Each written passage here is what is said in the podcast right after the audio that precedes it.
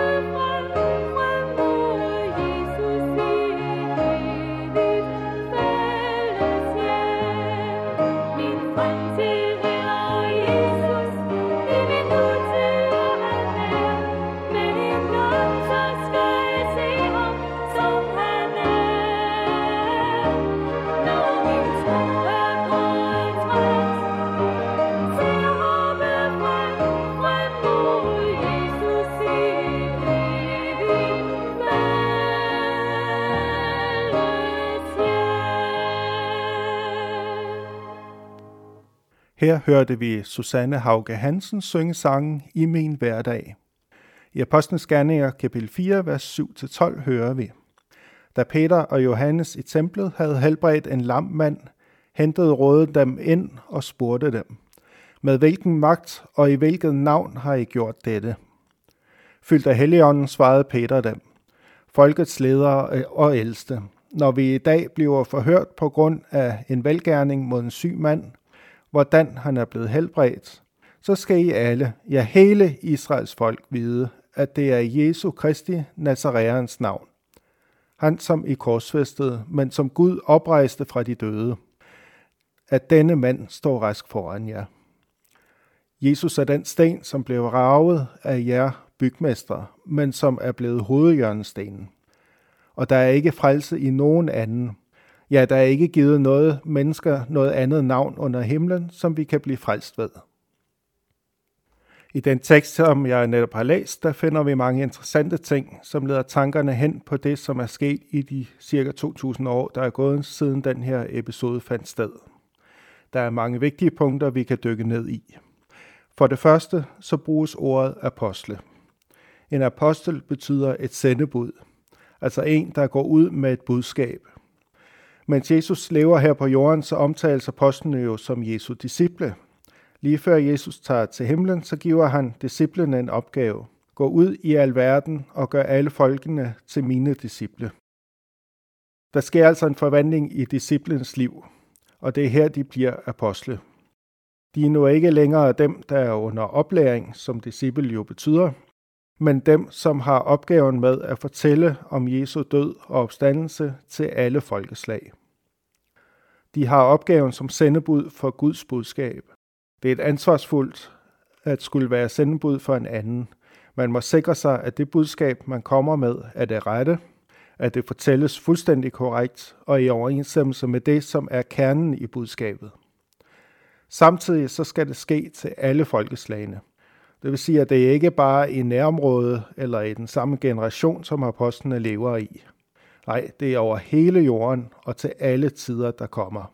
Det er det, som prædikes i kirker, missionshus og alle mulige andre steder i dag. Man må sige, at apostlene og generationerne derefter har gjort deres arbejde godt, for ellers så ville vi jo ikke have mødt budskabet i dag. Men samtidig må vi jo også sige, at arbejdet ikke er færdigt. Der er stadig mange, som ikke har hørt det kristne budskab endnu, og de generationer, der kommer efter os. Så derfor så må vi fortsætte det gode arbejde i tiden fremover. Apostlene er taget til fange. De har helbredt en mand i Jesu navn. Og det er den jødiske kirkes ledere ikke helt tilfredse med. Det skal nok siges, at selvom det kan virke meget forunderligt, at man kan helbrede en mand ved at bede til Gud, så var det selvfølgelig også bemærkelsesværdigt dengang, når det skete, men øh, vi vil nok undre os lidt mere over det i dag, end de gjorde dengang, hvor det formentlig skete lidt oftere. Det, der er problemet for de jødiske ledere, er ikke, at helbredelsen har sket, men at apostlene gør det med henvisning til Jesus. Det er ikke så længe efter, at Jesus døde og opstod, at det her sker, så alle kan godt huske den røre, der var omkring Jesu død. De jødiske ledere er også godt klar over, at Jesus, mens han levede på jorden, helbredte mennesker. Og den mand, som apostlene netop har helbredt i Jesu navn, er ganske rigtig blevet helbredt. Det er jo ikke så svært at bevise, da han var ganske dårlig inden, og nu kan løbe rundt helt sund og rask. Anklagen går derfor på, at det bliver gjort i Jesu navn, for jøderne anerkender ikke Jesus som Gud og mener derfor, at det er falsk lære at helbrede i Jesu navn. Peter gør opmærksom på, at de jødiske ledere jo netop lige har dræbt Jesus, men at han opstod igen. Og det er jo netop kernen i det budskab, som apostlene forkynder, kernen i kristendommen, at Jesus opstod af graven. Det er budskabet også til os i dag.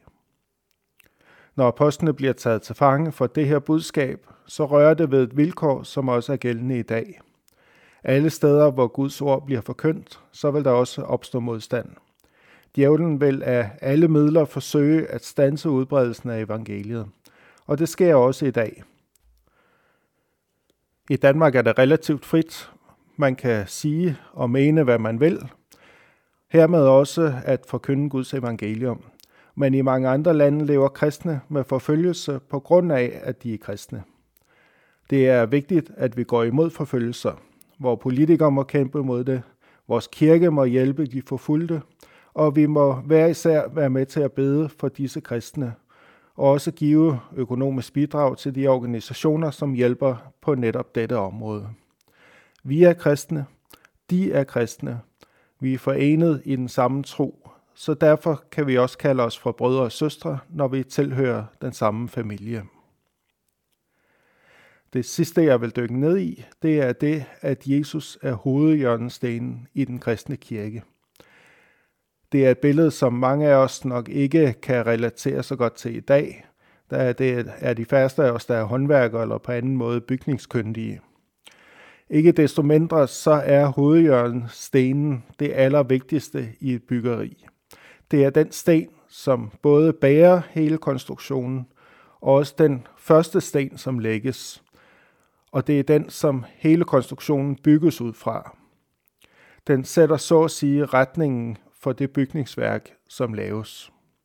Hvis hovedhjørnestenen mangler, så kan bygningen ikke bygges. Hvis den fjernes, så brænder bygningen sammen. I Bibelen omtales Jesus som hovedhjørnestenen. Uden Jesus er der ikke nogen kristen kirke.